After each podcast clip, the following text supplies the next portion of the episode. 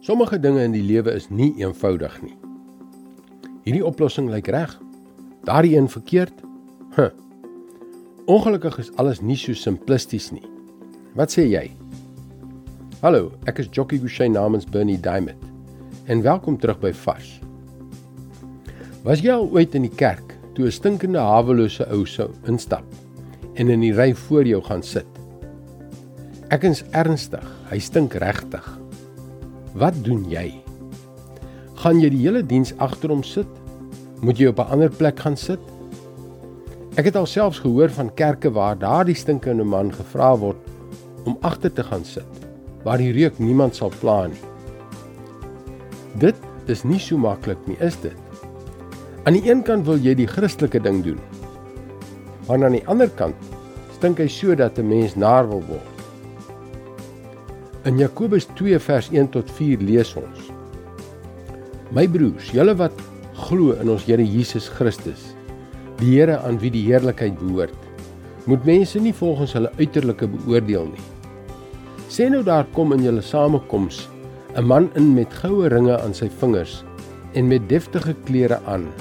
En daar kom ook 'n brandarm man in met ou klere aan. En sê nou julle maak 'n ophef van die man met die deftige klere en julle sê vir hom: "Kom sit u hier gemaklik." Maar vir die arm man sê julle: "Gaan staan jy daar ander kant." Of kom sit hier by my voete. Het julle dan nie onder mekaar onderskeid gemaak en mense op grond van verkeerde oorwegings beoordeel nie? Die Jesus wat ek ken, het verkies om 'n Jood te wees, een van die mees vervolgde rasse in die hele geskiedenis. Die Jesus wat ek ken het verkies om gereeld met mense soos die stinkende ou te assosieer eerder as met die een wat kerk toe kom en hoogheilig lyk. God het daardie stinkende ou meer lief as wat woorde ooit kan sê. Moenie oordeel nie. Dit is God se woord vars vir jou vandag. Dit is maklik om Jesus in my boksie in te pas. Dis baie meer bevredigend en minder ingewikkeld om te leef uit my eie perspektief. Uit dit wat ek wil hê Jesus moet wees. Maar dan kom ek op 'n stadium waar ek nie meer vir myself kan bedrieg nie.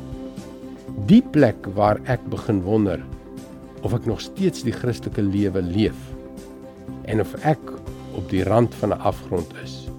Gaan gerus na ons webwerf varsvandag.co.za en ontvang daagliks 'n vars boodskap. Mag jy geseënd wees Mooi loop. Tot môre.